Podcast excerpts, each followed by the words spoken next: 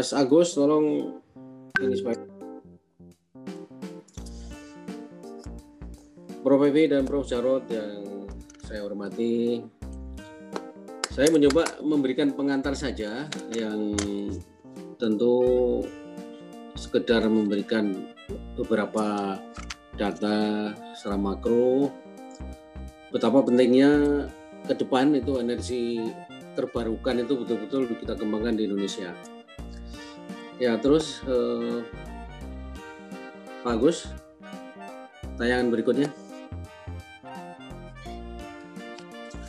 Jadi karena background saya ekonomi, jadi saya melihat uh, pengaruh konsumsi energi itu terhadap pertumbuhan ekonomi. Jadi saya kira uh, hampir semua negara itu uh, dari tahun ke tahun kebutuhan energinya terus semakin meningkat dan siapa pun presidennya harus menyiapkan energi ini karena seluruh kebutuhan masyarakat dalam konteks perekonomian itu semuanya membutuhkan energi.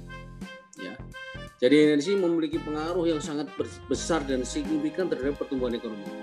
Mereka itu oh, luar biasa sekali perkembangan uh, energi pada waktu zaman oh, kita sedang membangun besar-besaran zaman Pak Harto berapa 30 tahun lebih. Kemudian dilanjutkan dengan beberapa presiden berikutnya. Bahkan waktu mulai zaman Pak SBY dicanangkan energi yang berapa ratus ribu watt waktu itu yang di bawah Pak JK ya.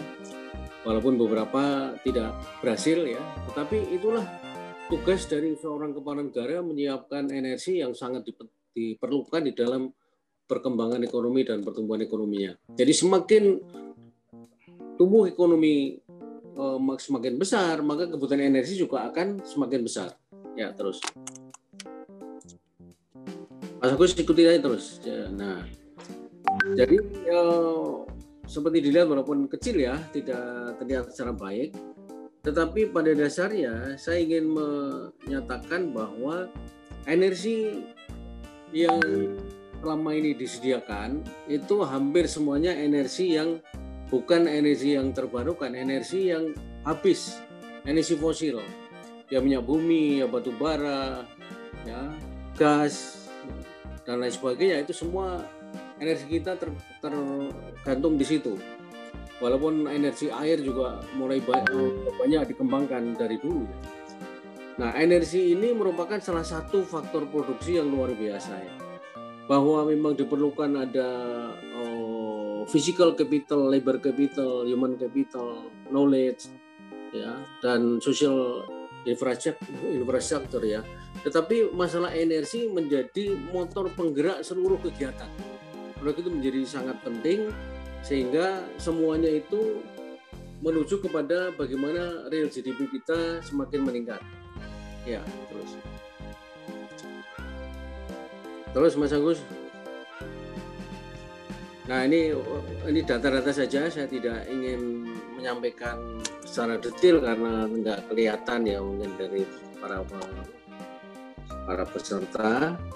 Tapi intinya bahwa uh, konsumsi energi Indonesia 2008-2018 ini terus menerus meningkat untuk benar di di uh, ekuivalenkan dengan barrel oil ekuivalen ya.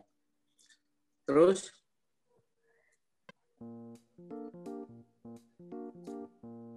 Ya, Mas Agus terus. Nah ini lebih jelas lagi oh, kebutuhan energi per jangan di anu dulu yang sebelumnya sebelumnya slide sebelumnya. Nah ini dulu ini dulu jangan dirubah-rubah dulu. Ya. Jadi energi kebutuhan energi per jenis ini kita lihat sebagian besar memang masih menggunakan uh, minyak dan batu bara. Ya. Kita ada data dari BPPT oh, mulai dari 2017 sampai 2050 kebutuhan akan energi per jenis ya. Dan uh, menurut sektor itu kelihatan bahwa sektor industri yang memerlukan energi terbesar pada waktu itu, kemudian transportasi, ya, kemudian rumah tangga, dan lain sektor ya. Semakin lama terlihat bahwa kebutuhan energi itu dari industri kemudian berubah menjadi lebih besar ke transportation. Makanya oh, peran dari Prof. Evi menjadi sangat penting karena sekarang ini mulai dikembangkan transportation itu energi bersama oh, nikel. Energi terutama energi transportation ke depan. Itu mobil-mobil sudah mulai banyak sekarang yang pabrikan-pabrikan mengembangkan oh, mobilnya dengan energi listrik. Itu mulai banyak terjadi di sana. Ya terus terus nah ini kepunya neraca minyak bumi Indonesia ya dari tahun ke tahun kemudian minyak bumi terus mengalami peningkatan namun di sisi lain produksi terus mengalami penurunan. Jadi produksi dalam negeri untuk minyak bumi mengalami penurunan tetapi kebutuhannya semakin meningkat Akibatnya apa? Akibatnya impor net. Demikian juga yang seterusnya. Mas Agus seterusnya.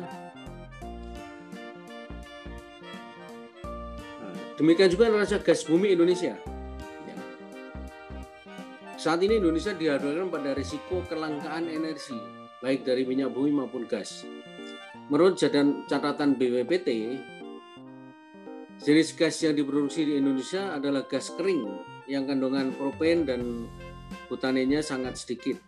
Di samping itu produksi gas nasional terus mengalami penurunan dan diperkirakan pada tahun 2028 tinggal 8 tahun lagi ya.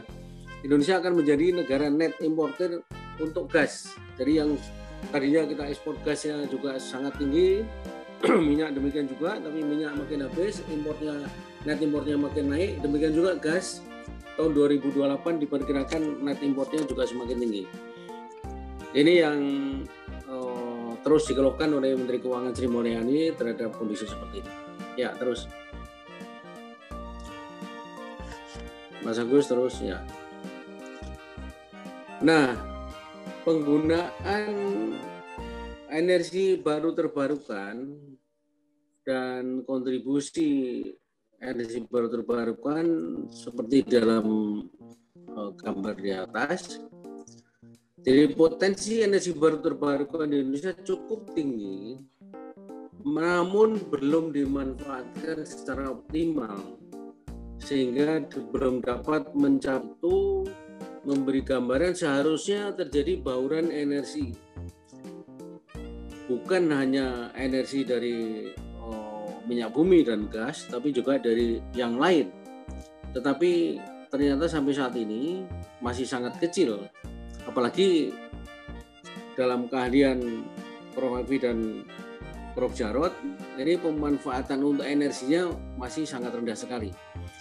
Tetapi kemungkinan ya, saya kira mungkin nanti mohon eh, juga tanggapan dari Prof. Hafi dan Prof. Jarot. Selama ini pemerintah belum sampai pada posisi yang kepepet banget gitu ya sehingga mau tidak mau nuklir harus digunakan sehingga pada waktu itu sudah ada rencana cukup matang ya waktu zaman Pak SBY akan dibangun Jawa Tengah tapi karena pertentangan dari masyarakat luar biasa sehingga akhirnya mundur lagi dan sekarang nggak pernah dibicarakan lagi ya.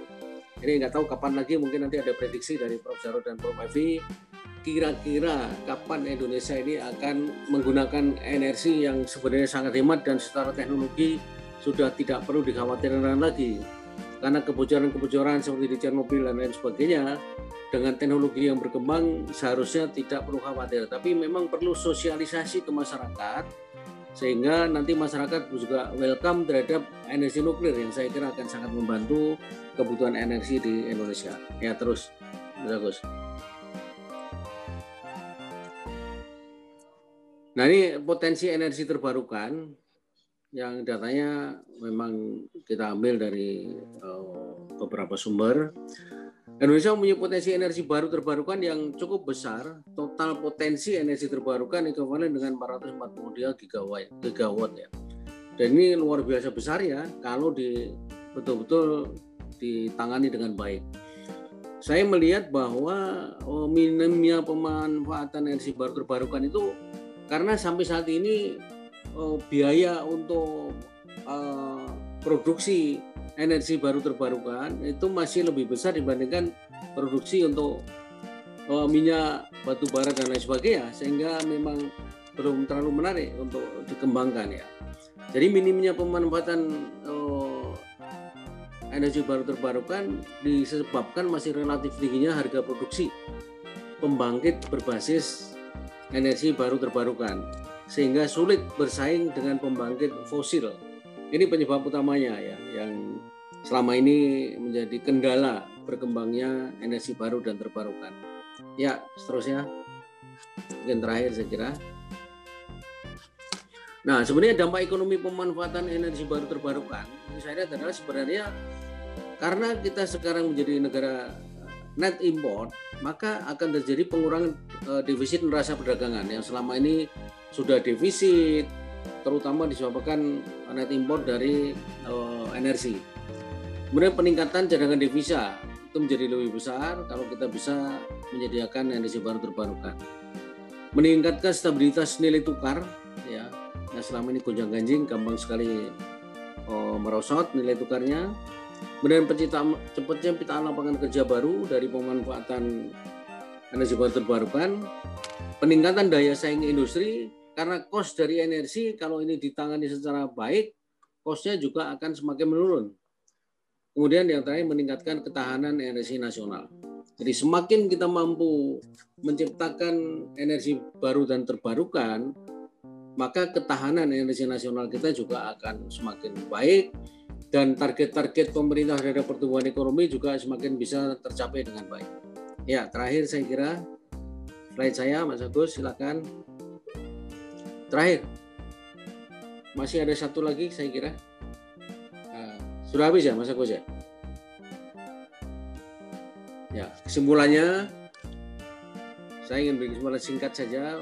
Mohon maaf, Prof. Prof. Bagus. Indonesia berpotensi mengalami krisis energi jika produksi energi tidak bisa ditingkatkan secara signifikan.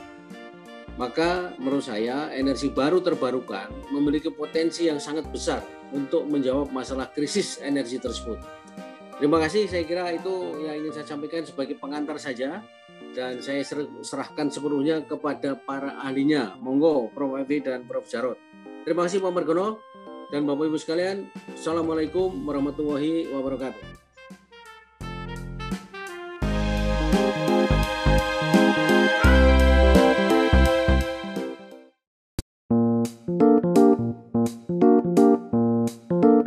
Society Indonesia.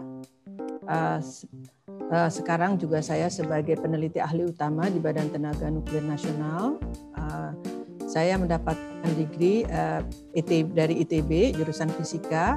Kemudian saya melanjutkan uh, ini melanjutkan PhD di uh, Technical University Berlin ya. Uh, jadi dari tahun 1990 sampai tahun 2000 itu saya di antara Kanada dan Jerman ya uh, kemudian uh, saya di fisik ya fisik teknis Universitas Berlin tapi waktu itu juga saya uh, visiting student jadi exchange student dengan McMaster University dan kemudian kembali lagi ke Berlin tahun uh, 96 selesai dari sana saya kembali lagi ke Kanada uh, postdoktoral di Kanada dan baru kembali tahun 2000 jadi 10 tahun saya kadang-kadang nggak lewat Indonesia antara benua Eropa dan eh, benua uh, Amerika ya Kanada.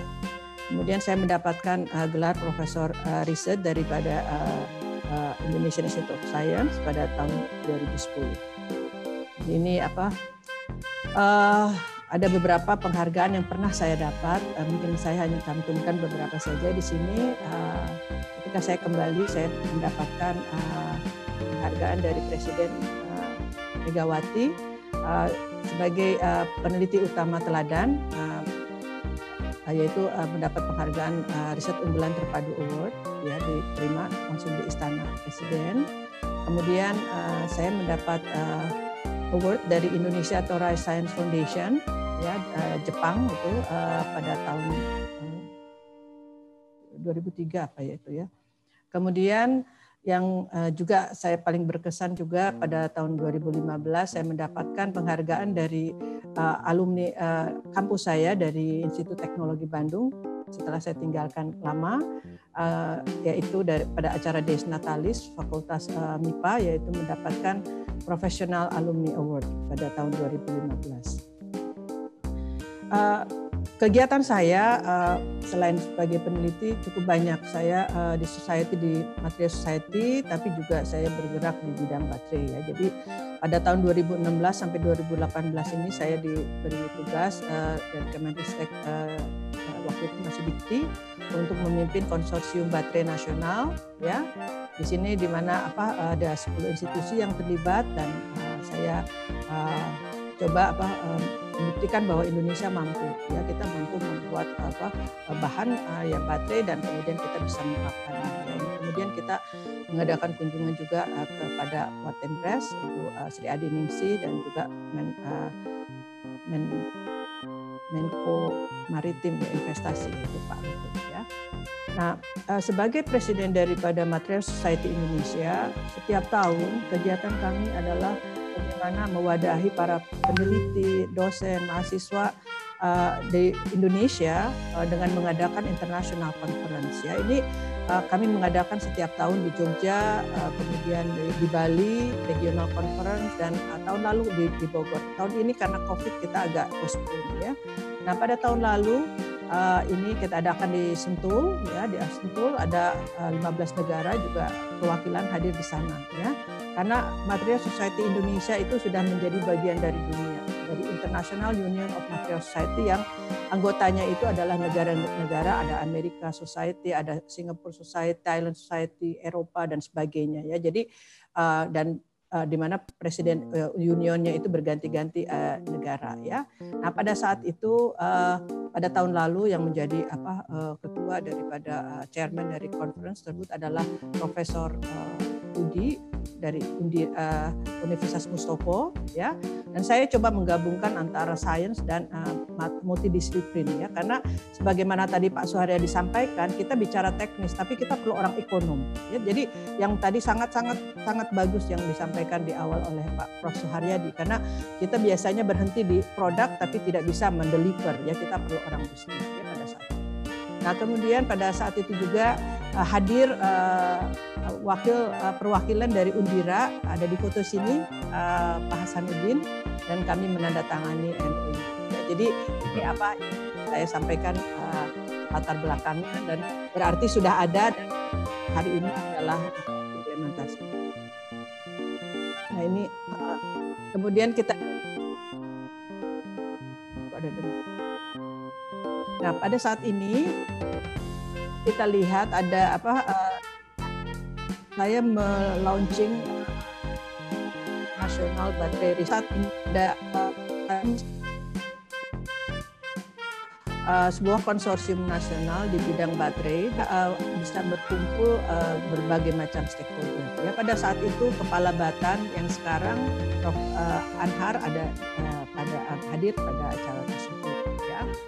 Jadi kenapa ada kenapa kita butuh ada NBRI ya? Visionnya dari NBRI itu adalah together all Indonesian stakeholder in battery research and production. Jadi ini kita ini ketika nanti fosil berganti kepada apa kendaraan di Indonesia saat ini kalau mencari platform siapa yang mengerjakan riset baterai, siapa yang melihat apa bahan uh, nikelnya dan sebagainya ini agak terpisah-pisah ya. Masing-masing institusi mengerjakan masing-masing dan tidak apa tidak bisa kita kumpulkan bersama ya. Tapi tentu saja kita punya long term goal ingin Indonesia itu maju ya. Maju seperti tadi disampaikan Prof. Soharyadi kita harus independen. China ini kaya dengan uh, kaya dengan berbagai macam sumber daya alam, tapi kita belum bisa memanfaatkannya dengan baik ya. Jadi kita perlu mengedukasi masyarakat, perlu mengedukasi juga uh, mahasiswa karena mereka lah nanti yang akan take over ya. Jadi kalau kita bisa menguasai uh, sumber alam kita, kita ini akan menjadi negara kaya ya. Sekarang ini kita hanya menjadi negara ketiga terbesar pengguna pengguna uh, daripada apa baterai itu, tapi kita sendiri tidak bisa menghasilkan. Nah ini sebenarnya questionable ya. Jadi ini kita harus bersama-sama. Jadi itu uh, platformnya yang saya coba uh, ini sebenarnya sudah lama uh, saya uh, buat ya dari tahun 2012 adalah uh, platform di mana kegiatan riset ini perlu didukung oleh uh, institusi uh, riset akademi karena inovasi selalu ada di yang uh, bagian atas ini ya. Mereka lah yang memberikan inovasi dan sebagainya. Kemudian uh, standarisasi uh, hak dan sebagainya ini ini penting ini impactnya pada society ya. Jadi kita nah tapi juga kita uh, perlu juga apa uh, bekerja sama dengan manufacturer dengan industri ini yang yang sekarang ini kalau uh, riset itu adalah validate-nya itu ada di sini karena yang dilakukan riset ya riset terbatas di laboratory, tapi yang dilakukan industri ya jalan sendiri. Kemudian kita tidak tahu apa yang dibutuhkan industri. Nah, kemudian kita membutuhkan government support dan juga investor untuk untuk funding untuk uh, membuat ini bisa berjalan ya. Nah, uh, ini pada saat uh, tahun lalu ya ada dengan beberapa juga dengan dari Australia dengan apa Queen Mary University perindustrian kami mengadakan kerjasama dengan Inalum dan ITB juga.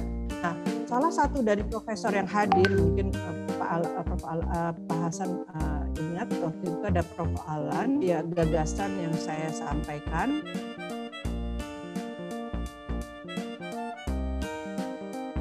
Uh, yaitu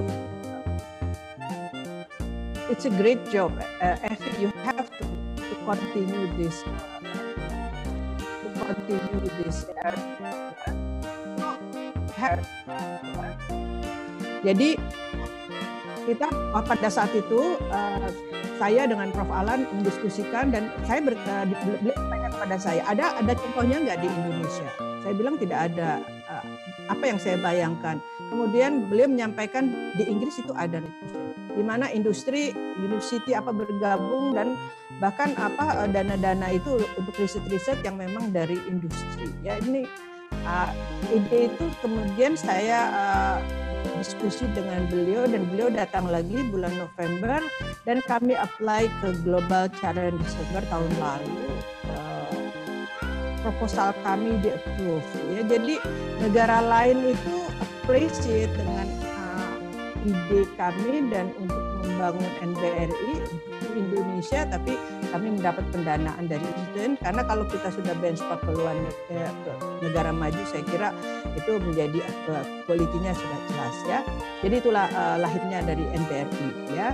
Uh, kami menemui uh, uh, ini tim kami uh, ada uh, kita angkat ya uh, Firman sebagai project leader, uh, Sinta sebagai uh, secretary dan uh, finance-nya ini uh, Adit ya. Kemudian kami menemui uh, Pak Menristek uh, Bambang dan beliau sangat appreciate dengan keberadaan uh, NBRI ini dan beliau minta bahwa kan National Research Program websitenya dan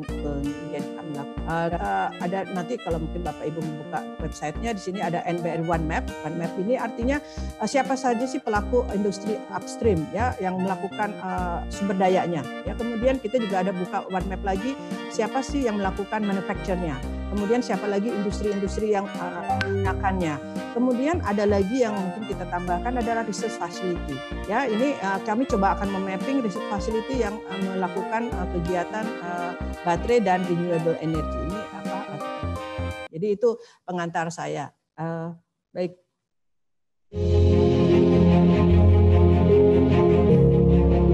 Nama saya Evi Kartini, saya Profesor Riset dari Badan Tenaga Nuklir Nasional.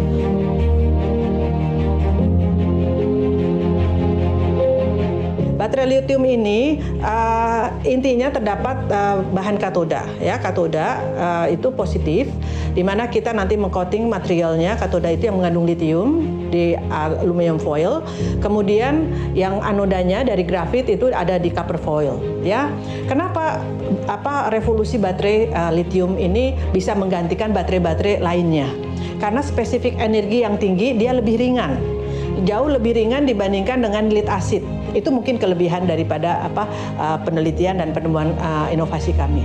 Nah, selain dari itu, uh, baterai ini ketika jadi satu baterai ini mengandung uh, uh, lithium dan kapasitasnya itu sekitar 3,2 volt dan uh, kapasitas 1 ampere hour ya bisa sampai 3 ampere hour kemudian dengan uh, 3 volt sampai uh, 4 volt ya tergantung materialnya. Kemudian kalau kita membutuhkan kapasitas yang lebih tinggi, kita bisa untuk menjalankan sepeda listrik ya. Eh, sepeda listrik contohnya kita membutuhkan daya sekitar uh, 48 volt, ya 48 volt dengan uh, 30 Ah seperti itu. Jadi caranya bagaimana kita harus membuat rangkaian rangkaian seri untuk mendapatkan uh, voltasenya lebih tinggi.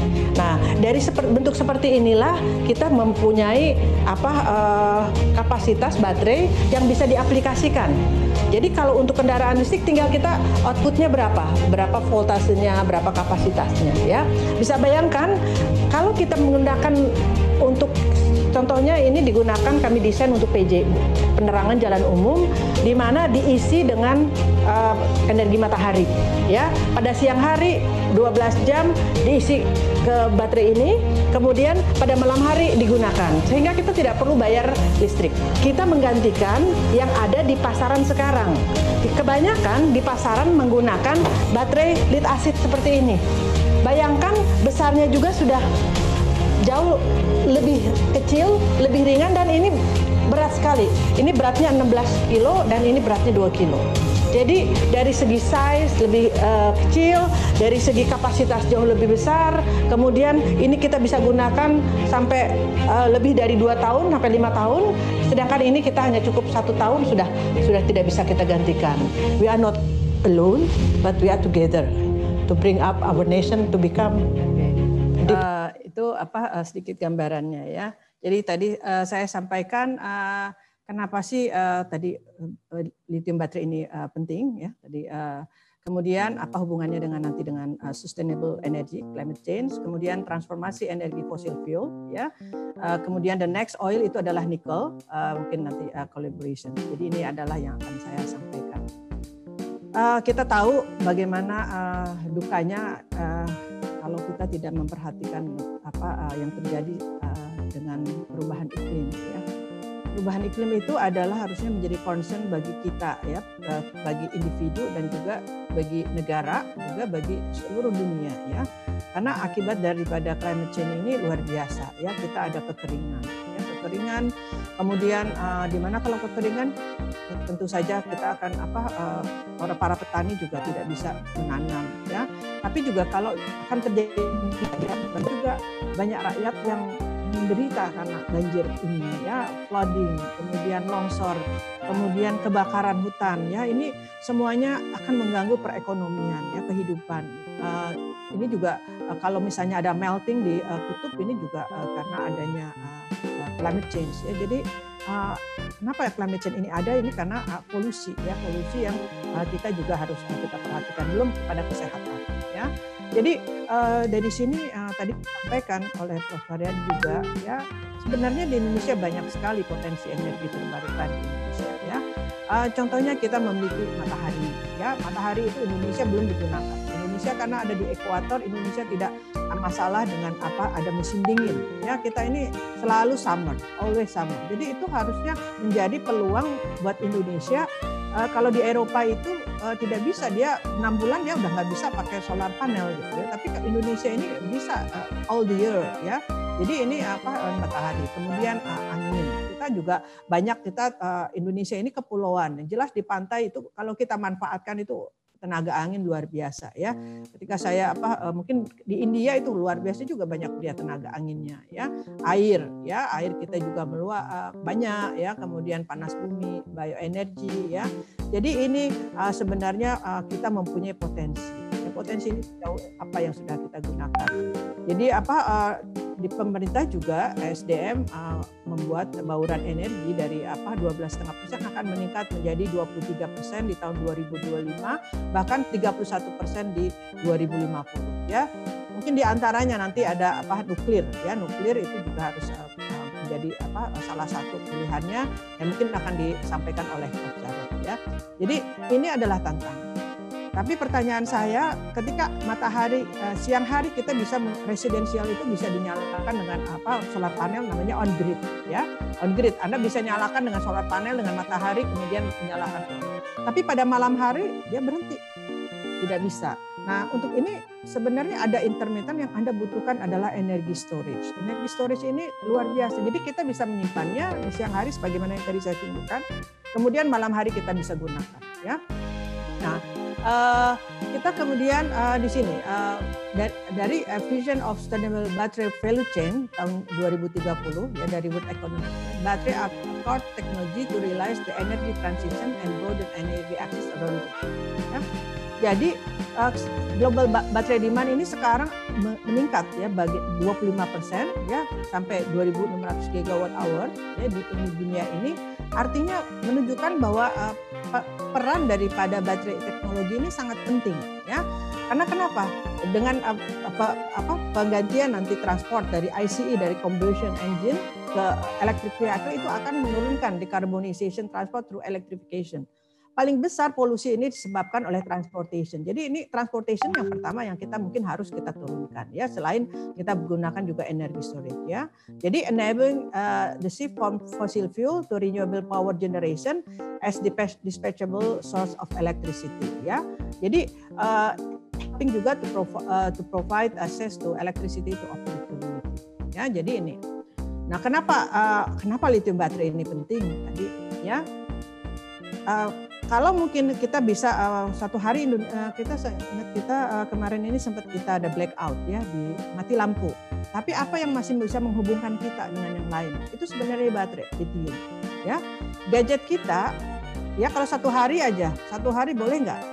Kita bilang baterai day, baterai off apa yang terjadi? Kita nggak bisa komunikasi, kita nggak bisa melakukan event pakai komputer, kita nggak bisa pakai gadget kita, kita nggak bisa pakai uh, mungkin kendaraan listrik dan GPS dan sebagainya. Artinya baterai ini penting ya. Jadi baterai ini seperti jantung manusia, nggak kelihatan adanya di dalam, tapi kadang-kadang kita we don't care gitu ya. Ketika materi udah low low low uh, apa uh, low baterai low baterai itu ya, kita baru cari-cari apa uh, uh, sumber untuk uh, merecharge lagi ya. Tapi ini penting sekali. Bagaimana sama juga dengan jantung. Ketika ada masalah baru dibawa ke UGD gitu ya. Tapi kadang-kadang hari-harinya dia berdetak terus uh, kita tidak terlalu kita memperhatikan. Yang membedakan itu adalah di sini adalah watt hour. Dari mulai satu watt hour sampai 20 ribu sampai 35 ribu tergantung dari aplikasinya. Ya sekarang submarine, submarine itu kapal laut dia sudah pakai lithium baterai. Kemudian drone, ya pesawat dan ini sudah semua menggunakan di berbagai macam. Jadi ini ini penting sekali ya. Nah, sekarang apa yang terjadi? Kalau kita lihat di komersial ini ya, kalau Anda bayangkan dengan Aqua. Aqua kalau kita punya Aqua, saya punya Aqua nih. Aqua kecil ini tulisannya 330 mili, uh, mililiter. Tapi kalau saya bilang ini satu liter, Anda pasti bilang enggak. Itu satu liter itu bukan satu liter, itu 330 mililiter. Tapi kalau ada baterai di sini, ada power bank, apakah Anda tahu? Di sini ini 18650 sel ini diameternya 18 mm, sedangkan tingginya 6,5 cm atau 650 mm. Ukurannya sama. Coba Anda lihat di sini. Ada yang 300 kapasitasnya itu 3500 mAh, Eh, yang ini 4.200, yang ini 5.000, yang ini 6.800, bahkan ini ada Mr. Henry ini 12.000 mAh. Yang mana yang betul? Nah inilah yang mungkin harus diedukasi. Padahal kita gunakan sehari-hari, kita kalau beli power bank yang dilihat itu adalah powernya besar, 12.000 mAh. Padahal kita tidak tahu, itu hanya tulisan. Jadi inilah penting kita paham ya apa yang ada di dalamnya. Apa eh, ini apa kalau enggak kita ini apa konsumen terbesar tapi kita tidak paham jadi kita dibodohin ya dibodohin sama negara lain even kalau itu dia use juga second baterai yang sudah dipakai kita nggak pernah tahu Ya, jadi ini apa uh, kita perhatikan ya. Nah, apa di dalamnya? Mungkin apa uh, sepintas pada tahun 2015 saya uh, hadir pada conference International Conference Solid State Ionic ya itu future dari uh, baterai uh, di Colorado ya. Kemudian saya mendengarkan lecture dari seorang uh, yang luar biasa beliau waktu itu 92 tahun usianya ya. Tapi beliau bisa memberikan lecture, memberikan uh, motivasi, inovasi dan sebagainya itu saya luar biasa. Saya kenal namanya Profesor John Goodingham ya. Uh, kemudian kami diskusi dan saya kagum kepada beliau ya. Beliau akhirnya pada tahun lalu beliau Nobel, mendapatkan Nobel Prize kimia ya pada usianya 97 tahun. Yang ini Profesor Whittingham dan Profesor Aquino. Kita perlu berterima kasih kepada mereka karena dengan penemuan mereka lah akhirnya apa uh, kita bisa sampai hari ini kita bisa menggunakan wireless dan sebagainya ya. Jadi ini adalah pemenang Nobel Prize uh, tahun lalu di bidang kimia. Jadi saya beruntung bisa bertemu dengan uh, Prof. Whittingham dan Prof. Uh, uh, Good Enough ya. Uh, kenapa sih lithium? Nah, ini pertanyaannya. Karena lithium itu adalah solid elemen yang paling ringan, ya. Kalau sebelumnya itu kan ada uh, hidrogen satu, yang kedua itu deuterium itu masih gas ya. Tapi ketika kita bicara lithium itu sudah solid, ya solid. Jadi makanya uh, digunakan di dalam baterai karena dia ringan, ya. Kalau yang sebenarnya sodium juga sekarang akan dikembangkan, tapi dia lebih berat, ya.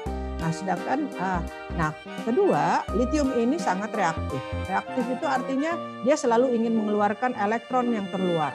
Jadi kalau lithium menjadi lithium plus, ada satu elektron yang keluar. Elektron ini akan berjalan di luar rangkaian. Kalau ada satu elektron itu artinya ada arus, kemudian ada arus ini kalau eh, berjalan jadi makanya miliampere hour ya itu kapasitasnya.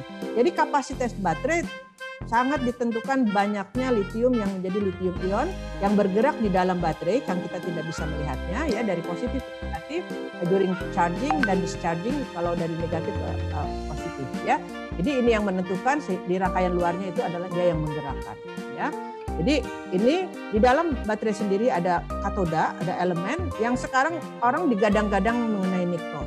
Ya, Indonesia ini hati-hati nih. Indonesia ini terbesar cadangan nikelnya dan sekarang sedang banyak negara yang mengincar, termasuk Tesla, termasuk uh, uh, Elon Musk ya. Karena dia untuk kendaraan listriknya dia perlu nikel ya. Jadi uh, ini ada anoda. Anoda ini masih digunakan uh, karbon atau grafit ya. Jadi ketika dia charge litiumnya berangkat dari sini masuk sini, kemudian elektron berangkat ke sini ya, baliknya lagi. Ya, jadi ini ini prinsip daripada uh, apa dari bagaimana baterai bekerja ya.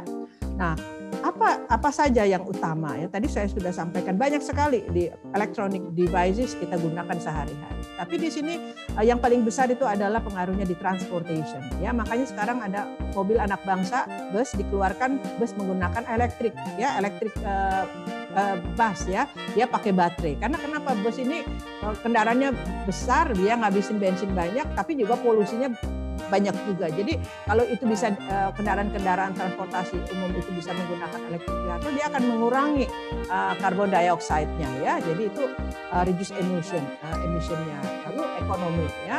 Kemudian juga kendaraan ya. Ada yang hybrid, ada yang uh, plug hybrid, ada yang fully electric vehicle. Nah, di, di, di bagian lain yang ini adalah bagaimana tadi renewable energy ini uh, even for example kalau misalnya di rural area, di rural area yang 3T eh, terjauh, terpencil apa ya, eh, tertinggal itu tidak mungkin eh, kalau PLN membangun lagi jaringan PLN itu artinya dia menggunakan fossil fuel lagi ya. Tapi itu juga cost very expensive. Jadi kalau mereka membangun solar panel di sana tentu saja itu karena matahari itu pasti ada di daerahnya mereka. Hanya ada satu lagi dia membutuhkan baterai untuk menyimpan energi tersebut. Ya jadi tetap saja ketika kita bicara angin nggak ada anginnya ya selama ada anginnya kita simpan di energi storage yaitu kita membutuhkan baterai. Ya jadi ini baterai ini apa di UPS di BTS semuanya menggunakan baterai lithium ya. Nah, sekarang kita juga kita lihat ini di rumah sakit medical devices ya. Uh, ini kami baru kemarin juga membuatkan untuk ventilator ya. Uh, jangan sampai ventilator atau mungkin yang untuk uh, pacu jantung uh, orang gagal ginjal itu sampai berhenti gitu. Nah, itu kita harus punya backup. Kalau mati lampu ya dia tetap ya. Jadi kita bikin portable mungkin apa untuk apa backup powernya. Ya, jadi inilah yang uh, uh, penggunaannya ya. Nah, bagaimana tren industri trennya? Ya kita lihat di sini apa uh, dia selalu meningkat ya global industry trennya dari tahun 2016 ke 2024 itu bidang industri manufacture sekarang hampir semuanya juga dia mereka mulai beralih ya penggunaan apa lithium baterainya.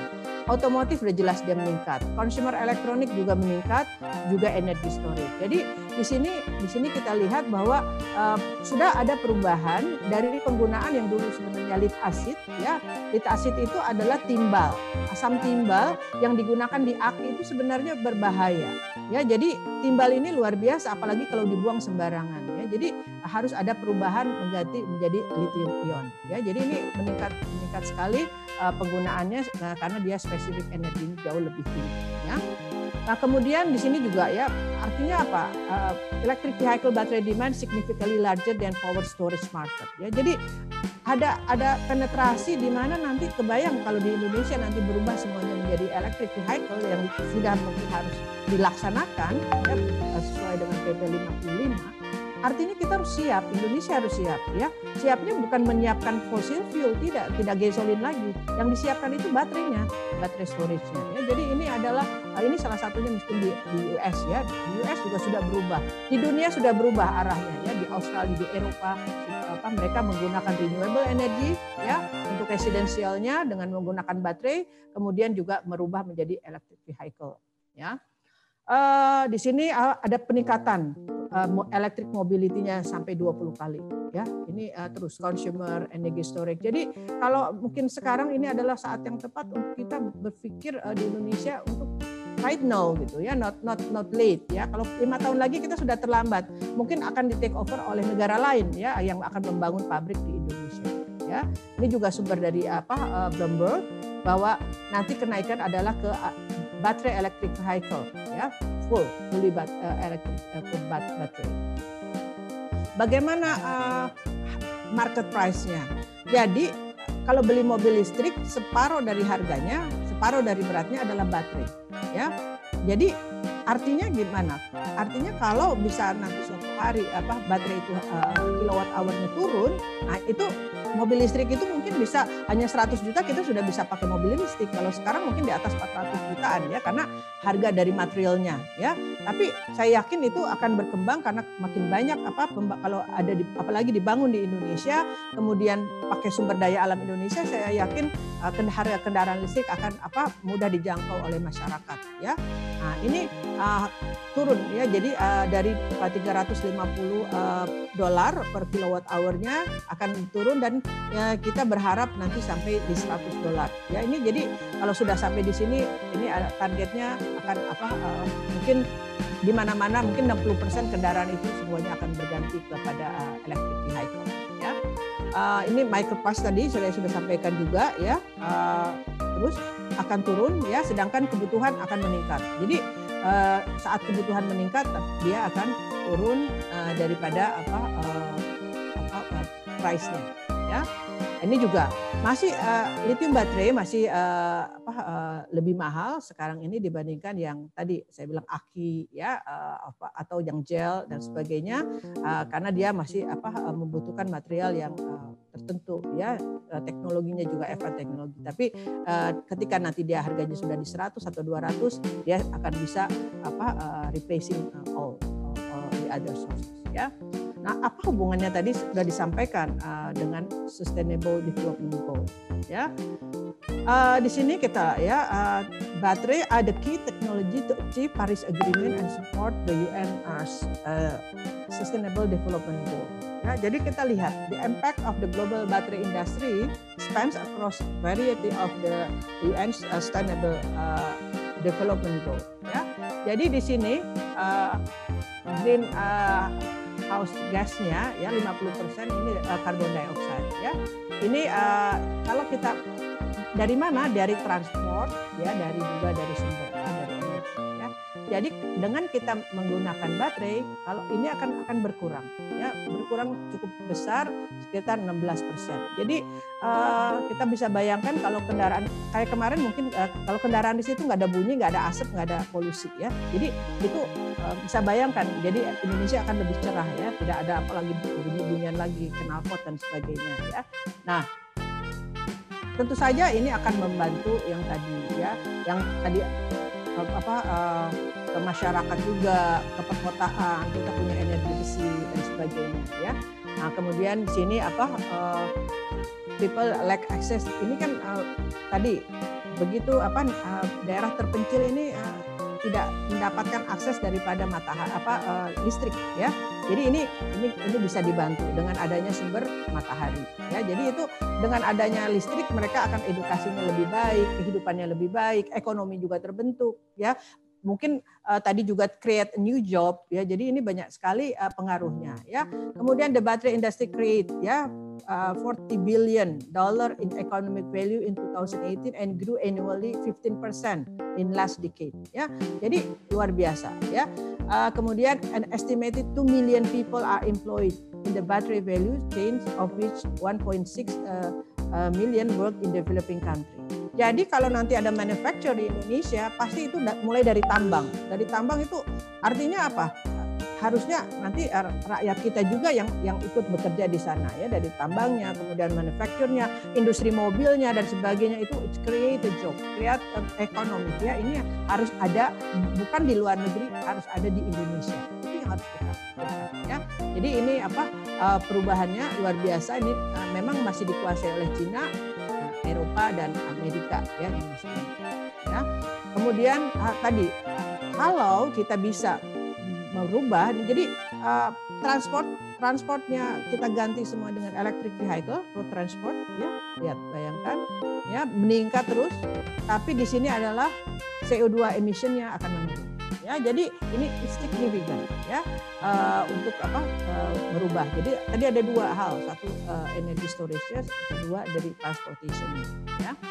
Uh, kemudian nah yang pertanyaannya uh, bagaimana apa uh, value chain-nya nih kalau kita mau membangun pabrik baterai di Indonesia kita punya nggak sih sumber daya alamnya ini pertanyaannya ya jadi uh, dulu orang berpikir oke okay lah litium belum ditemukan, bukan belum ditemukan Indonesia belum belum concern kepada sumber litium. Tetapi Indonesia itu sumber nikel, ya sumber nikel terbesar di dunia. Jadi sebenarnya Indonesia mampu ya eh, karena di dalam baterai itu nanti isinya adalah nikel. 80% isinya nikel, mangan dan kobalt. Kobaltnya hanya 10% ya. Artinya kalau kita mampu bayangin di sini ada penaikan ya dari material miningnya, refining, kemudian sampai sell, pack luar biasa ini apa peningkatan apa uh, value edit value-nya ya. Jadi kalau bisa Indonesia menghasilkan membuat sendiri apa manufacture electric vehicle ya.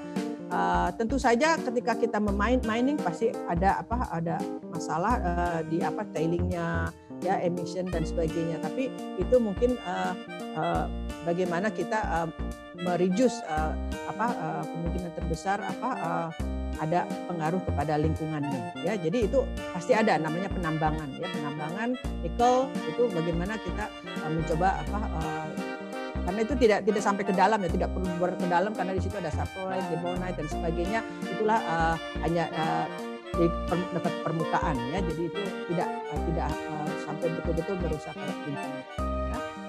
Oke uh, tadi kita bicara secara umum. Bagaimana sih di Indonesia ya?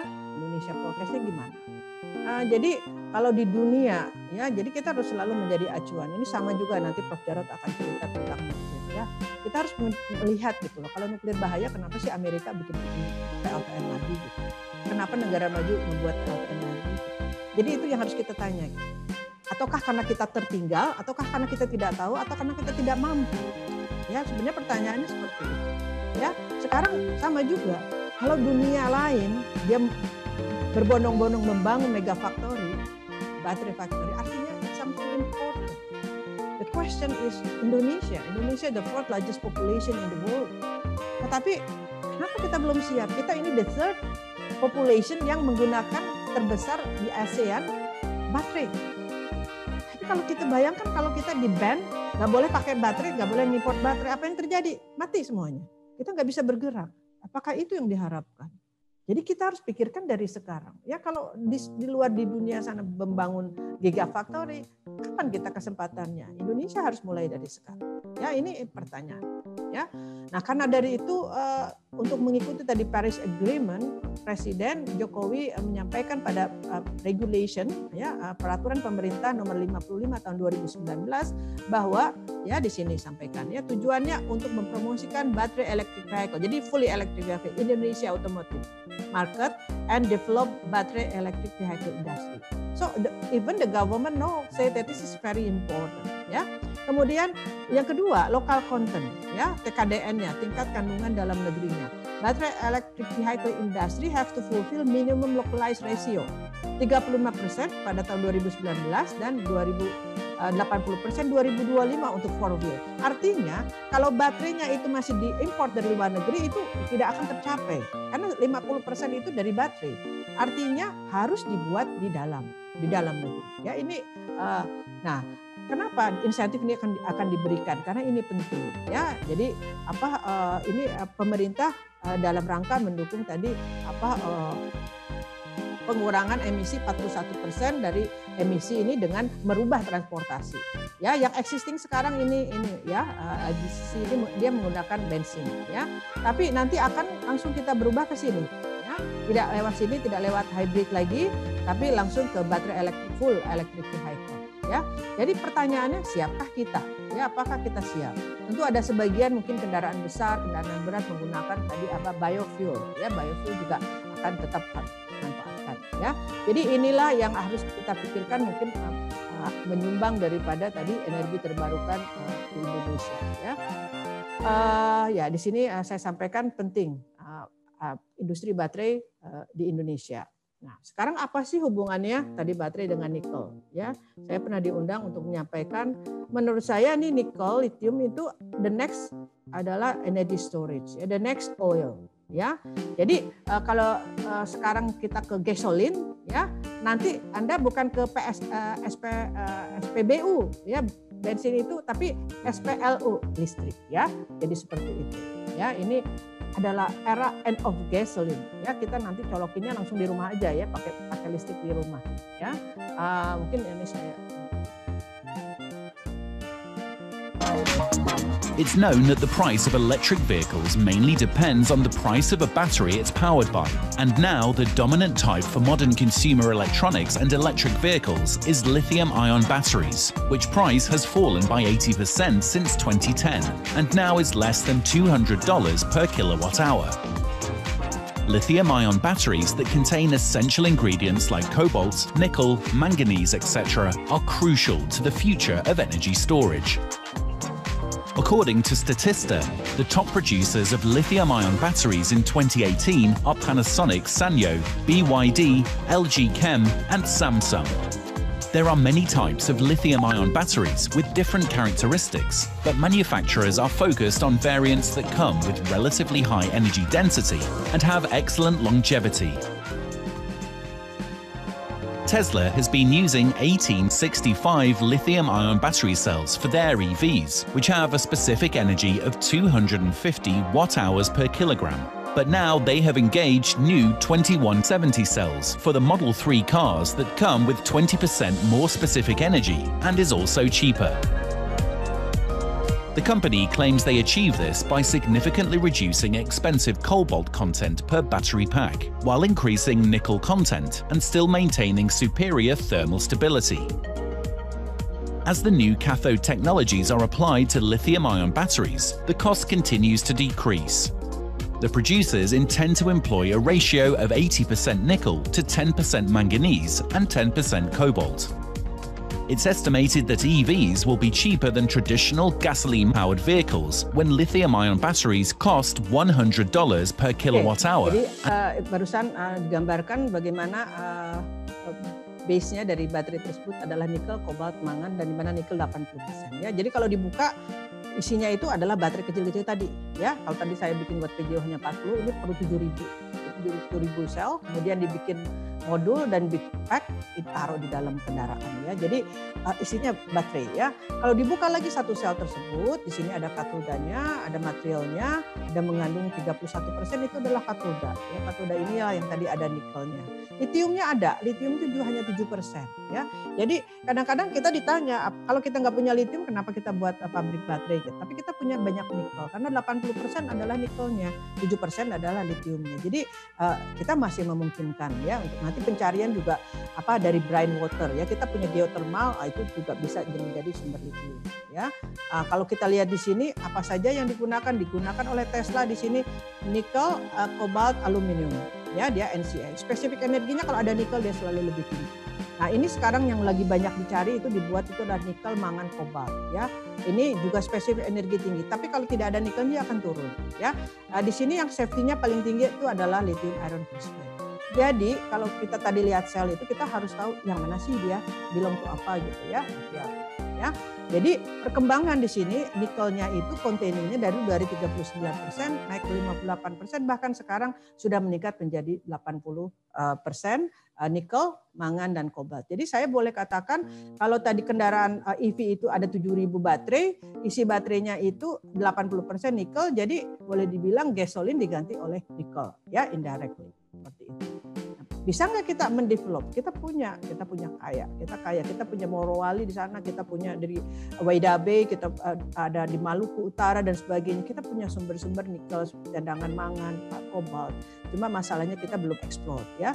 Nah, pada saat itu saya diminta uh, bertemu yang dengan uh, Pak Luhut itu apa uh, kemudian uh, saya diberi kesempatan untuk melihat apa sih yang ada di Morowali karena di sana katanya dibuat pabrik baterai. Jadi di Morowali itu dia punya sumber nikel di mana kalau dia lebih dari 1,7 persen dia digunakan untuk stainless steel ya ini luar biasa bisa dilihat ya. Tapi sayang ini semuanya diekspor ke luar negeri. Nah kalau yang isinya di, di, di bawah 1,7 persen, kandungan itu dulu dulu dibuang begitu saja tidak digunakan. Tapi ternyata itu memberikan added value karena yang itulah yang digunakan untuk bahan-bahan untuk baterai.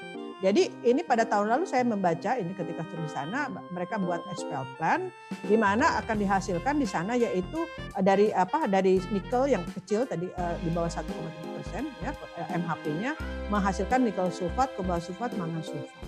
Tapi di sini bayangkan pengolahan lebih lanjut akan dilakukan di Tiongkok. Mungkin pada waktu itu saya tidak begitu paham sehingga saya hanya I very concern about that ya. Padahal dari sini akan dari bahan tadi akan dibawa menjadikan baterai. Kalau dibawa ke Cina kemudian kita beli baterainya, kita beli mobil listriknya sayang sekali TKDN-nya di mana. Sebenarnya itulah yang menjadi apa concern juga untuk adanya kan adanya holding antara PLN, Antam, uh, Inalu ya untuk membuat apa uh, baterai ya. Jadi saya menyampaikan ini uh, pada tahun lalu ya. Namun uh, uh, tahun Mohon ini pada bulan Prof. ya siap ya. Uh, jadi uh, pada tahun ini saya diberi tugas ini untuk Hai Sobat Iptek, tahu kan kalau dunia akan terus berkembang dan berinovasi? Contohnya kendaraan kita yang kini masih menggunakan bensin yang akan habis, sehingga akan berkembang menjadi kendaraan listrik yang bersumber energi terbarukan listrik agar lebih efisien, mengurangi efek rumah kaca, bahkan emisi karbon sebanyak 43% dibanding mobil biasa. Hebat kan? Semua ada berkat komponen utamanya untuk menyimpan energi, yaitu baterai lithium. Baterai lithium adalah baterai dengan energi besar dan bobot yang ringan. Dibanding baterai biasanya, baterai lithium dapat dicas sehingga banyak dipakai di barang elektronik sehari-hari. Ada tiga komponen, anoda, katoda, dan separator. Kandungan tertinggi di katoda yaitu nikel, mangan, dan kobalt. Tapi nikel lah yang bisa menyimpan energi terbanyak sehingga jadi unsur utama pada baterai lithium dengan rasio terbanyak 80%. Negara kita sangat beruntung karena ternyata Indonesia adalah sumber nikel terbesar di dunia. Harusnya bisa membuat industri dan mengolah material nikel menjadi baterai lithium sendiri. Sayangnya Indonesia belum ada wadah bagi para ahli untuk bersatu dan membuat teknologi yang bisa mewujudkan itu. Maka Menristek menugaskan Ibu Evi untuk memimpin riset mengenai baterai lithium dan materialnya yang dilakukan di Puspittek. Ibu Evi telah menekuni teknologi dan material nuklir selama 30 tahun. Kini Ibu Evi menjadi Presiden MRSI, INSS juga mendirikan NBRI. Ketiga organisasi ini saling melengkapi dalam riset pembuatan teknologi yang dapat mengolah nikel dan bahan baku lainnya menjadi baterai lithium. MRSI fokus meneliti material seperti nikel dalam pembuatan baterai, NBRI meneliti pembuatan baterai yang efektif, dan INSS fokus mengembangkan teknologi nuklir untuk membaca kerja lithium dalam baterai.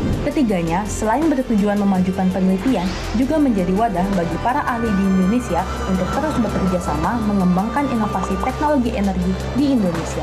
Dengan kayanya sumber daya alam dan kemampuan mengembangkan teknologi sendiri, Indonesia akan menjadi negara yang independen dan inovatif. Hai Sobat Iptek, hai sebentar lagi ya Pak ya. Nah, jadi ini saya ditugaskan apa uh, pada tahun ini untuk memegang salah satu proyek riset, nasional ya untuk ekstraksi mineral ya. Jadi ini tugas kami bagaimana apa uh, dari nikel yang ada di apa MHP ini di refinery dengan tim uh, dari apa nasional ya seperti ini uh, apa uh, kemudian uh, dijadikan uh, bahan baterai. Jadi ini salah satu kegiatan yang kami sedang kerjakan secara konsorsium. Uh, jadi uh, nilai tambahnya uh, cukup tinggi kalau kita bisa menguasai teknologi. Jadi ini masih uh, yang terakhir ini sedikit apa karena saya di Batan tadi belum bicara nuklirnya, uh, tapi saya mungkin tidak bicara energi nuklirnya. Jadi uh, karena litium ini kecil tidak bisa dilihat dengan mata dengan apa pun dengan teknologi apa pun hanya dengan neutron. Neutron itu dihasilkan dari reaktor ya atau reaktor atau spallation source. Jadi ini berbagai uh, sumber reaktor uh, di dunia ada reaktor riset ya khususnya reaktor riset ya. Ini adalah yang disewa besi reaktor yang ada di uh, Batan ya dia dengan reaktif fisi ini menghasilkan neutron. Neutron kemudian dibawa ke sini ya. Di sini ada alat-alat alat-alat yang apa uh, yang digunakan untuk menganalisa tadi baterai lithium ini ya. Ini salah satu apa uh, Nobel Prize untuk apa uh, bidang neutron ya. Karena dengan neutron ini kita bisa tahu di lithium itu lagi apa sih di dalam bahan, bagaimana sih lithium bekerjanya sehingga kita bisa mengembangkan material-material baru yang bisa lebih apa lebih canggih lagi lebih apa meningkatkan kapasitasnya dan sebagainya ya jadi di sinilah penting apa teknik nuklir digunakan ya Uh, jadi apa ini uh, laboratory yang ada di Batan dan berbagai macam uh, bisa nanti kerjasama juga dengan Indira ya uh, bisa dilakukan uh, kegiatan di sini. Mungkin itu. Uh, jadi apa uh, salah satunya kami coba buatkan di sini namanya integrated nuclear laboratory. Ada baterai laboratorynya ada nuklirnya. Kemudian kita bisa buat baterainya kemudian kita bisa teliti ya. Jadi apa uh, bisa tahu di mana ini contohnya ya. Di mana keberadaan lithium ini lithium tetap ketahuan ada di sini dengan neutron ya. Jadi uh, inilah apa yang kita bisa lakukan secara sains dan teknologi riset-riset yang dilakukan. Uh, jadi yang terakhir uh, saya uh, ucapkan terima kasih kepada Undira, welcome Undira untuk menjadi partner NBRI juga di Sina ya juga kerjasama dengan Batan ya. Uh, jadi member kami ya uh, kami kami harus selalu memberikan uh, komunitas karena kita punya masalah banyak di Indonesia dan kita harus mempunyai community. Kemudian kita harus memberikan informasi yang valid, yang jelas dan kita juga perlu memberikan standarisasi tadi dan memberikan pendidikan uh, training kepada apa mungkin SMK dan sebagainya ya. Kalau kita punya uh, electric vehicle atau motor semua diganti electric vehicle di seluruh Indonesia kita perlu meningkatkan uh, SMK tersebut dikasih training sehingga mereka bisa betulin di, di seluruh Indonesia ya jadi ini apa kegiatan yang dari NBRI adalah platform ya kami juga melakukan berbagai macam acara ini salah satunya ya mengundang apa mengundang lecture dari berbagai negara untuk memberikan manfaat kepada yang ada di Indonesia ini ya. Ada dari Kanada, tadi dari Australia. Uh, kemudian kita juga menggandeng apa ini lulusan-lulusan apa muda silahkan nanti pada bergabung di sini untuk sama-sama kita berinovasi ya. Jadi ini apa uh, kami juga ikut dalam isu-isu uh, uh, penting di dunia apa renewable dan baterai nasional ya. Juga apa Pak Menteri Sulawesi Ya, jadi ini kemarin baru kami juga dengan uh, Komatsu uh, dan memberikan insight apa yang perlu dilakukan Komatsu untuk membentuk uh, uh, sustainable energi ini. Ya, Sekali lagi uh, saya ucapkan terima kasih kepada uh, semuanya atas undangannya.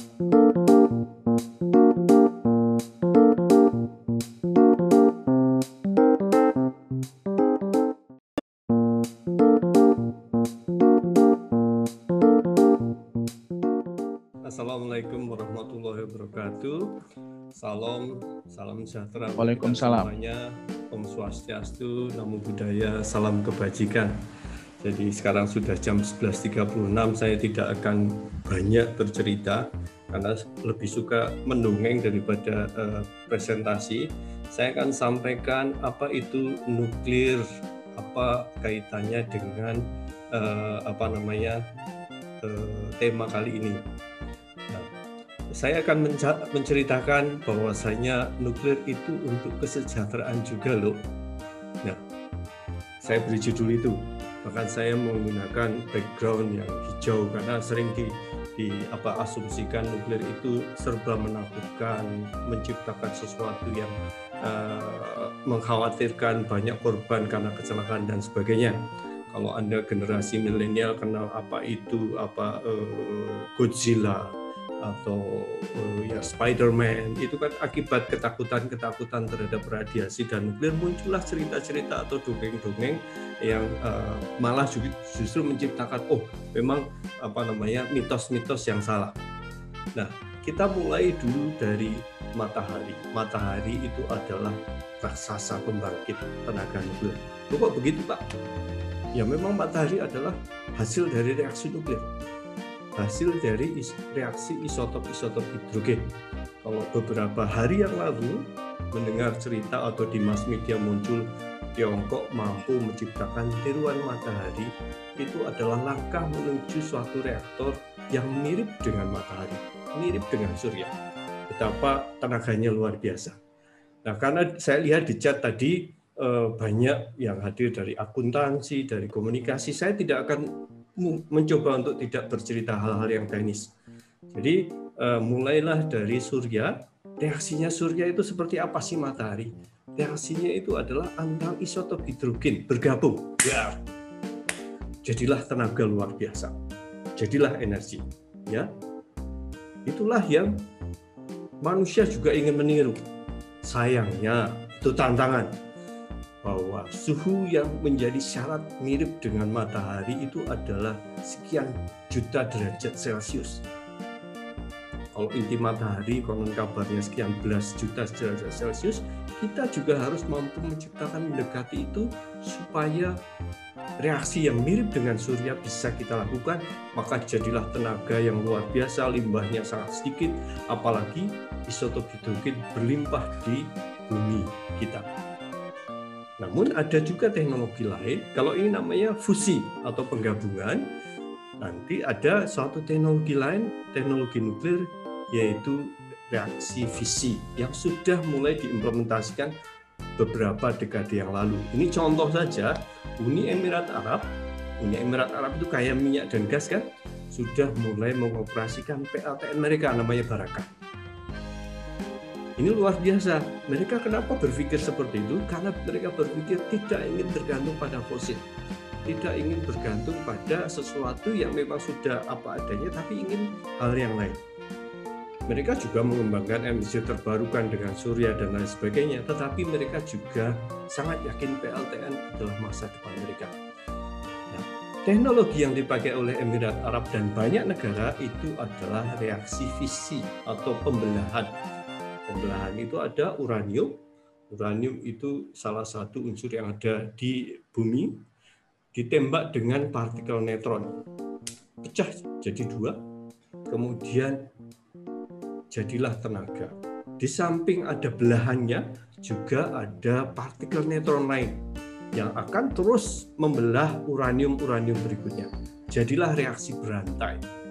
Jadilah tenaga nuklir. Jadilah yang selama ini menjadi salah satu hal yang dipakai oleh banyak negara sebagai uh, teknologi untuk pembangkit listrik tenaga nuklir. Nah inilah dua prinsip utama dalam tenaga uh, uh, nuklir, dalam energi nuklir yaitu fusi dan fisi. Fusi penggabungan masih kita kejar nanti, mungkin masih perlu beberapa abad, perlu beberapa dekade, mungkin 30-40 tahun lagi sampai bisa diimplementasikan secara komersial. Sementara ini kita bisa memakai reaksi visi yang sudah dimanfaatkan di 400 PLTN di seluruh dunia. Nah, di samping itu ada radiasi alam. Jadi di alam sekitar kita sudah ada radiasi. Di tubuh kita, di tulang kita ada radiasi. Di buah juga pisang ada radiasi. Di surya, karena surya juga reaksi nuklir, ada radiasi. Loh, kalau gitu matahari menghasilkan pancaran radiasi, Pak ya? Iya.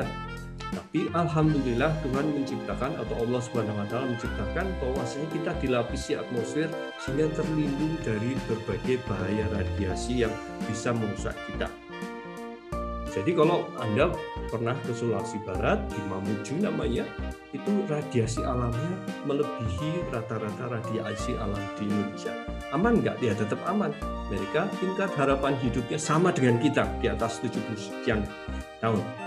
Jadi tetap saja saya katakan radiasi adalah bagian hidup kita, ada di mana-mana. Hanya saja kalau sudah mulai berlebih harus kita atur, harus kita uh, uh, menciptakan berbagai hal termasuk peraturan, periset dan lain sebagainya tidak membahayakan kita. Nah, karena saya ingin bercerita nanti ujungnya PLTN, tapi saya ingin bercerita mulai dari nuklir untuk non energi. Sudah ada di Indonesia enggak? Sudah. Kita sudah tiga, punya tiga reaktor riset. Apa sih? Untuk apa sih nuklir uh, energi itu? Tapi sebelumnya saya ingin bercerita dulu begini Radiasi terdiri dari beberapa jenis. Di situ ada tulisan A, B, G, N. Itu apa sih Pak? Alfa, beta, gamma, dan neutron. Misalnya itu ada daya tembus masing-masing. Paling kuat memang uh, neutron. Kemudian berikutnya gamma. Kemudian uh, dan seterusnya. Jadi yang paling kuat tembusnya adalah neutron. Itu yang sering dimanfaatkan oleh Bu Evi dan kawan-kawan untuk bagaimana menganalisis baterai dan lain-lain kemudian ada gamma. Itulah yang kita gunakan. Bisa digunakan untuk mengukur ketebalan kertas misalnya di pabrik kertas. Kalau gitu di Indonesia sudah ada Pak pabrik kertas pakai itu. Iya. Tetapi apa yang dilakukan oleh Batan? Yang dilakukan oleh Batan adalah berbagai hal yang kita lakukan. Mohon maaf ini pakai bahasa Inggris, tapi moga-moga eh, karena sebenarnya ceritanya banyak. Saya tidak ingin melebihi jam 12 presentasinya, presentasinya bisa untuk energi di belakang kita cerita bisa untuk tulisan di atas itu NDI itu apa? Non destructive investigation atau uji tak rusak atau investigasi tak rusak. Jadi kalau kalau ada retakan di pesawat itu halus sekali. Nggak bisa kita lihat dengan mata maka pakai radiasi bisa diketahui retaknya bisa untuk kesehatan. Kesehatan itu apa? Untuk menciptakan uh, apa obat untuk diagnostik maupun untuk pengobatan kanker misalnya atau misalnya untuk makanan, untuk pengawatan makanan, nanti saya akan ceritakan, dan lain sebagainya. Jadi banyak sekali manfaatnya. Nah, ini contoh saja, contoh di mana Batan sudah melakukan banyak kegiatan di bidang pertanian, yaitu pemulihan tanaman dengan iradiasi gamma. Apa yang didapat? Kita dapatkan beberapa benih unggul padi ada 33 sorghum kalau bahasa Jawa itu cantel sorghum itu mungkin apa ya bahasa Indonesia-nya eh, dan lain-lain ada soybean, mangbin, ada kacang tanah, kemudian kemudian pisang juga. Biasanya kelebihan dengan iradiasi gamma setelah benihnya di, ditembak dengan iradiasi gamma yang lemah adalah produktivitas yang menjadi tinggi. Yang tadinya mungkin kalau padi 4 ton per hektar rata-rata menjadi bisa 10 ton per hektar tahan terhadap beberapa hama, mudah beradaptasi dengan berbagai lingkungan, kualitas tinggi dan disukai. Tetapi memang disukai itu relatif. Kalau orang Jawa lebih suka pulen, sementara mungkin orang Sumatera perak misalnya. Nah, kita juga bekerja sama dengan berbagai daerah. Dengan di Kerinci misalnya, bagaimana memperbaiki varietas lokal mereka atau di Jawa Tengah di Klaten. Kalau kita karena saya orang Jogja eh, suka rojo lele yang tadinya usianya panjang bisa dipendekkan misalnya nah kita perbaiki itu. Bahaya atau tidak?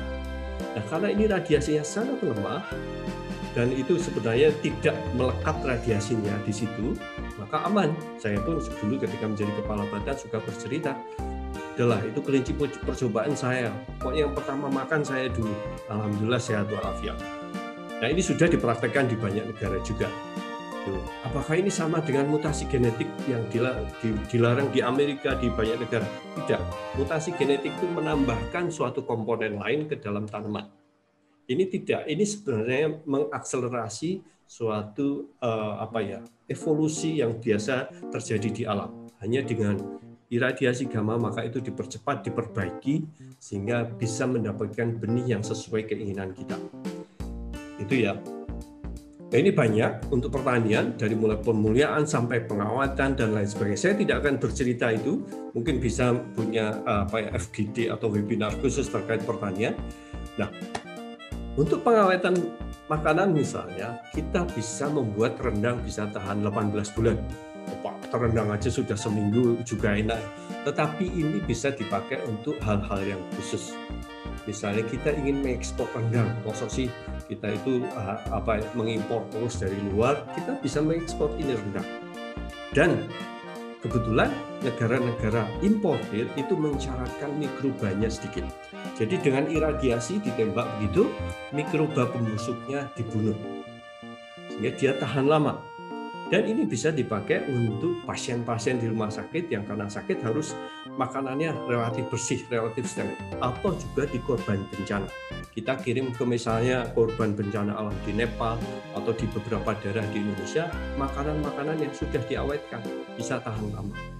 Nah ini contoh bahwasanya 18 bulan. Bahkan sekarang kita baru menggagas bagaimana kita mengirim mangga ke luar negeri di mana lalat buahnya itu bisa dihilangkan dengan iradiasi.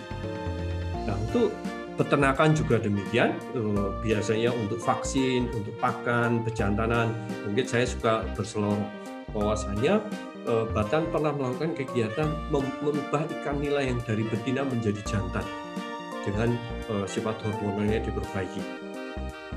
Ini contoh-contoh saja yang bisa kita lakukan.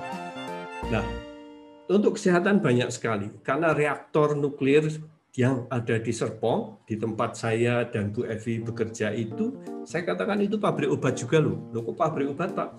Di situlah dihasilkan radioisotop-radioisotop yang kemudian kalau disuntikan ke dalam tubuh manusia, maka bisa mendiagnostik bagian yang sulit untuk dia uh, dianalisis atau diagnosa, ataupun untuk mengobati. Nah, itu contoh saja. Ada contoh lain, ini aplikasi membran amnion Amnion itu apa sih Pak? Amnion itu adalah selaput plasenta. Bagian dari plasenta tipisnya eh, itu diambil atau ari selaput dari ari-ari lah kalau orang orang Jawa kadang-kadang menempatkan di tempat khusus habis ibu melahirkan di, di, di untuk ada dikasih lilin segala. Nah, si selaputnya itu diradiasi, disterilkan bisa untuk mengobati luka bakar atau bekas sesak atau untuk pengobatan di gigi dan lain sebagainya. Nah, itu dilakukan oleh Batan. Batan mempunyai istilahnya bank jaringan, mengumpulkan amnion, membran amnion tersebut untuk kemudian disterilkan, terus dikembalikan ke rumah sakit untuk dimanfaatkan. Itu ya. Nah sekarang kita masuk ke bagian nuklir untuk energi. Ini bagian yang menarik. Eh, mungkin Pak Aryadi, Pak Rektor tadi sudah bercerita posisi kita itu gimana sih silahkan dilihat grafik batang yang paling kanan di situ. Di situ EBT warna hijau muda itu tahun 2016 7,7 persen. Nuklir masuk dalam B-nya baru karena undang-undang energi menyatakan nuklir masuk energi baru. Padahal target kita grafik batang di tengah itu 23 persen pada tahun 2025 dan tahun 2050 yang kanan lagi eh, yang tengah itu yang eh, 31 persen. Nah, ternyata kita masih 7,7 pada tahun 2016 dan konon kabarnya sekarang masih belasan. Target 23 persen tercapai atau tidak? Sementara kita masih bergantung pada batu bara yang abu-abu dan juga gas alam serta minyak bumi. Bahkan sampai 2050 kita masih pakai minyak bumi. Padahal sejak 2004 kita impor minyak bumi. Tuh kan? Jangan-jangan nanti kita impor semuanya tahun 2050. Maka di situlah nuklir bisa masuk. Nuklir bisa masuk. Yang di atas saya, di belakang saya itu versi British Petroleum. Bahkan lebih lebih kecil lagi. Hydroelectric dan renewable masih sekitar 6%. Beda dengan yang 7,7% dari versi pemerintah. Inilah menyebabkan kita harus berpikir supaya mengurangi ketergantungan terhadap fosil sampai tahun 2050 kita masih tergantung sama fosil maka opsi nuklir menjadi masuk Ini contoh tadi, Barakah Uni Emirat Arab saja yang kaya minyak dan gas sudah menggunakan itu. Nah, saya ambil contoh negara Jerman dan Prancis. Itu dua contoh yang sangat hitam putih. Jerman itu tahun 2022 sudah mulai menghapus PLTN. Prancis 70% mengandung, me, bergantung pada PLTN. Apa yang terjadi saat ini? Maka kita lihat bahwasanya yang hijau green energinya Prancis itu 86 persen kalau istilah teman-teman di uh, yang me, me, mempublikasikan uh, data ini. Sementara Jerman, electricity dari istilah mereka dirty itu 61 persen. Ini menunjukkan bahwasanya nuklir adalah sesuatu yang tidak terelakkan ke depan kalau kita ingin seperti Pak Haryadi sampaikan kita komitmen pada Paris Agreement untuk green energy. Nah, sekarang statusnya di seluruh dunia itu seperti apa sih PLTN? Jangan-jangan udah menurun, Pak? Ternyata tidak. Bahwa nuklir di seluruh dunia totalnya reaktornya 449. Sebagian besar di Amerika. Hampir 100. Kedua Perancis. Terus yang membangun, ya ini. Nah, grafik yang di atas saya, di belakang saya ini adalah yang membangun paling banyak Tiongkok. Kemudian India, Rusia, Uni Emirat Arab, Korea Selatan, Bangladesh. Bangladesh itu kan lebih miskin dari kita kan? Dia tergantung dari luar negeri batu bara dan gasnya. Maka menariknya adalah dua pimpinan perempuan tangguh baik yang memerintah maupun yang oposisi setuju jarang sekali di, di suatu negara oposisi dan uh, yang berkuasa untuk membangun PLN. Jadi mulus mereka. Nah inilah negara-negara yang membangun. Bahkan Ukraina di mana Chernobyl ada itu di bawah Bangladesh, mohon maaf itu kecil-kecil, itu tetap membangun PLTN. Ya. Nah, kenapa banyak negara memilih tenaga nuklir? PLTN mampu memberikan daya yang besar, 1000 sampai 1400 MW per unit. Tidak 200, tidak 100, tidak 50, 1000. Meskipun sekarang juga ada tren membuat yang kecil-kecil namanya small modular reactor, energi bersih. Jadi emisi karbon minimal, harga listriknya kompetitif, bisa beroperasi sampai 60 tahun terus-menerus. Nah itulah yang menjadi kelebihan. Nah tapi memang ada stigma negatif dari nuklir. Mungkin secara psikologi menakutkan, jangan-jangan kalau ada kecelakaan Fukushima di Indonesia, pemerintah atau negara Indonesia bisa nggak menangani bencana seperti itu? Nah ini adalah stigma-stigma yang masih muncul di Indonesia. Nah kita tunjukkan bahwa apa namanya bahwa Indonesia uh, nuklir itu minim dari sisi emisi karbonnya ada di paling kanan, nuklir dibandingkan misalnya coal, batu bara, gas, biomasa, dan lain-lain, maka emisi karbonnya sangat rendah sekali. Bahkan mau dibandingkan dengan hydropower masih lebih rendah. Inilah situasi yang menyebabkan banyak negara mempertimbangkan memanfaatkan nuklir sebagai komitmen mengurangi uh, emisi karbon. Nah, prinsip pembangkit listrik itu nuklir pembangkit listrik itu sebenarnya sama di mana saja seperti ceret dipanasi pakai pakai api kemudian uapnya bisa bisa me, me, membangkitkan memutar turbin atau generator listrik. Sama nuklir juga demikian. Nah ini juga sama juga. Jadi di sini uh, apa ada reaktor di sini uh, menyebabkan panas panasnya bisa uh, menyebabkan uh, terjadi uap dan menggerakkan turbin. Sama persis dengan yang lain. Yang beda hanya di sini di reaktornya Tadi reaksi nuklir sudah saya sampaikan, ada reaksi fisi yaitu pembelahan dan ada reaksi fusi penggabungan seperti matahari. Uh, sayangnya ini videonya nggak jalan kalau pakai ini. Saya langsung saja, apakah Indonesia Indonesia siap? Kita mempunyai banyak SDM, termasuk Bu Evi itu SDM yang handal, banyak sekali di Batan, di Bapeten, di Universitas, di UGM, di ITB, UI dan banyak lagi. Termasuk saya yakin di Undira teman-teman teknik mesin, teknik elektro itu adalah SDM-SDM yang mumpuni untuk masuk bergerak di bidang nuklir. Kita punya tiga reaktor, Serpong 30 MW, Bandung 2 MW, Yogyakarta 250 kW. Telah ada calon lokasi, PLTN Jepara, Bangka Belitung, dan dalam waktu dekat di Kalbar. Kita punya SDM yang mampu mendesain suatu reaktor namanya reaktor daya eksperimental 10 MW. Jadi kita mampu. Foto yang saya tunjukkan itu adalah reaktor serbaguna Serpong. Silakan nanti mahasiswa atau Bapak Ibu dosen untuk bisa hadir mengunjungi. Ini tempat wisata yang jangan takut karena di situnya di situ di dalamnya indah dan bersih. Nah, inilah status kita. Tadi ada tiga reaktor, SDM kita cukup. Memang fokus kita masih pada pertanian, kesehatan, industri, dan lingkungan. Tapi kita siap semuanya, termasuk tapak-tapaknya. Jadi ada tiga tapak yang sudah siap, uh, Mulia Site, Bangkal Site, dan kemudian mulai tahun ini kita melakukan visibility study di Kalimantan Barat. Nah, sekarang saya akan bercerita mitos tentang kecelakaan PLTN. Ada tiga kecelakaan besar Three Island, Chernobyl, dan Fukushima. Berapa jumlah korbannya yang meninggal? Three Mile Island North, Chernobyl 64. Meskipun kalau kita cari di Google, oh ribuan dan lain sebagainya. Nah, itu sudah diteliti oleh badan PBB, namanya UNSCEAR, untuk mengetahui berapa sih setelah jangka panjang ternyata sulit untuk mendeteksi karena lifestyle kita, gaya hidup kita yang mungkin nggak sehat, sehingga sudah tidak diketahui apakah misalnya orang di Ukraina dekat Chernobyl meninggal kanker akibat apa? Apakah akibat radiasi atau akibat lifestyle mereka? Itu susah dideteksi. Nah, yang menarik di Fukushima, Fukushima yang kita takutkan, korban jiwa akibat radiasi kecelakaan tersebut nol. Nah inilah fakta yang harus kita sampaikan bahwasanya korban radiasi kecelakaan-kecelakaan tersebut tidak sebesar yang dikhawatirkan oleh masyarakat. Nah sekarang kita lihat, kan kita daerah bencana, gempa Pak. Nah kita lihat peta ini, bercak-bercak seperti jerawat itu adalah sejarah gempa 100 tahun di Indonesia. Ternyata kita punya daerah yang relatif bersih. Saya katakan relatif bersih ya, Misalnya Kalimantan, daerah bersih, bercak-bercaknya kan sedikit sekali.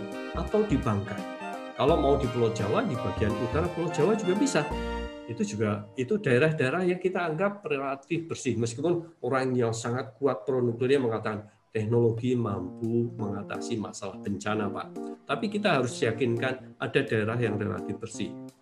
Limbah radioaktifnya seperti apa? Itu dikelola. Limbah radioaktif lain dengan limbah seperti yang disampaikan Bu Evi tadi, timbal yang kalau timbal selamanya timbal. Radioaktivitas itu akan meluruh. Jadi kalau lihat grafik di situ di sebelah kiri kita lihat bahwasanya dia radioaktifnya turun, ada usianya, lama-lama menjadi tidak radioaktif. Kalau di Indonesia disimpan di Serpong, di tempat pusat saya bekerja saat ini. Jadi disimpan nanti lama-lama akan rendah radioaktivitasnya. Kita sudah punya eh, kemampuan itu. Nah, ini hasil jajaknya menarik. 2014, 2015, 2016 Batam melakukan jajak. Jajaknya ternyata di atas 70% mendukung PLTN. Memang sempat tahun 2011 rendah di bawah 50% karena efek Fukushima. Tapi di Bangka Belitung di atas saya itu rendah karena mungkin ketakutan not in my backyard terjadi. Nah, saya yakin cerita uh, ini yang di tempat saya, di bagian tempat saya tadi ada, itu Kalimantan Barat itu pendukung nuklirnya 87% lebih. Luar biasa. Jadi daerah tersebut mungkin potensi ideal untuk uh, membangun uh, eh, PLTN. Salah satu kenapa mereka ingin punya PLTN karena mereka uh, sedih bahwa daerah itu impor listrik dari Malaysia itu salah satu alasannya. Nah, sebagai penutup, nah ini hampir jam 12. Saya hanya menyampaikan Bung Karno ketika meletakkan batu pertama pembangunan reaktor Bandung. Beliau mengatakan kita telah masuki atomic energy era. Tapi ternyata setelah sekian puluh tahun kemudian kita belum mencapai atomic energy era. PLTN merupakan suatu pilihan realistis karena kita tadi lihat EBT saja kita masih pada posisi belasan persen.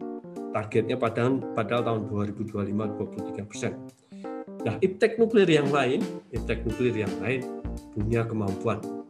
Jadi iptek nuklir lain untuk pertanian bisa untuk kedaulatan pangan, untuk kemandirian pangan, kesehatan misalnya radioisotop atau tadi saya katakan selaput ari atau plasenta dan juga untuk lingkungan bagaimana menjadikan lingkungan kita menjadi bersih. Itu kira-kira yang ingin saya sampaikan Pak Margono.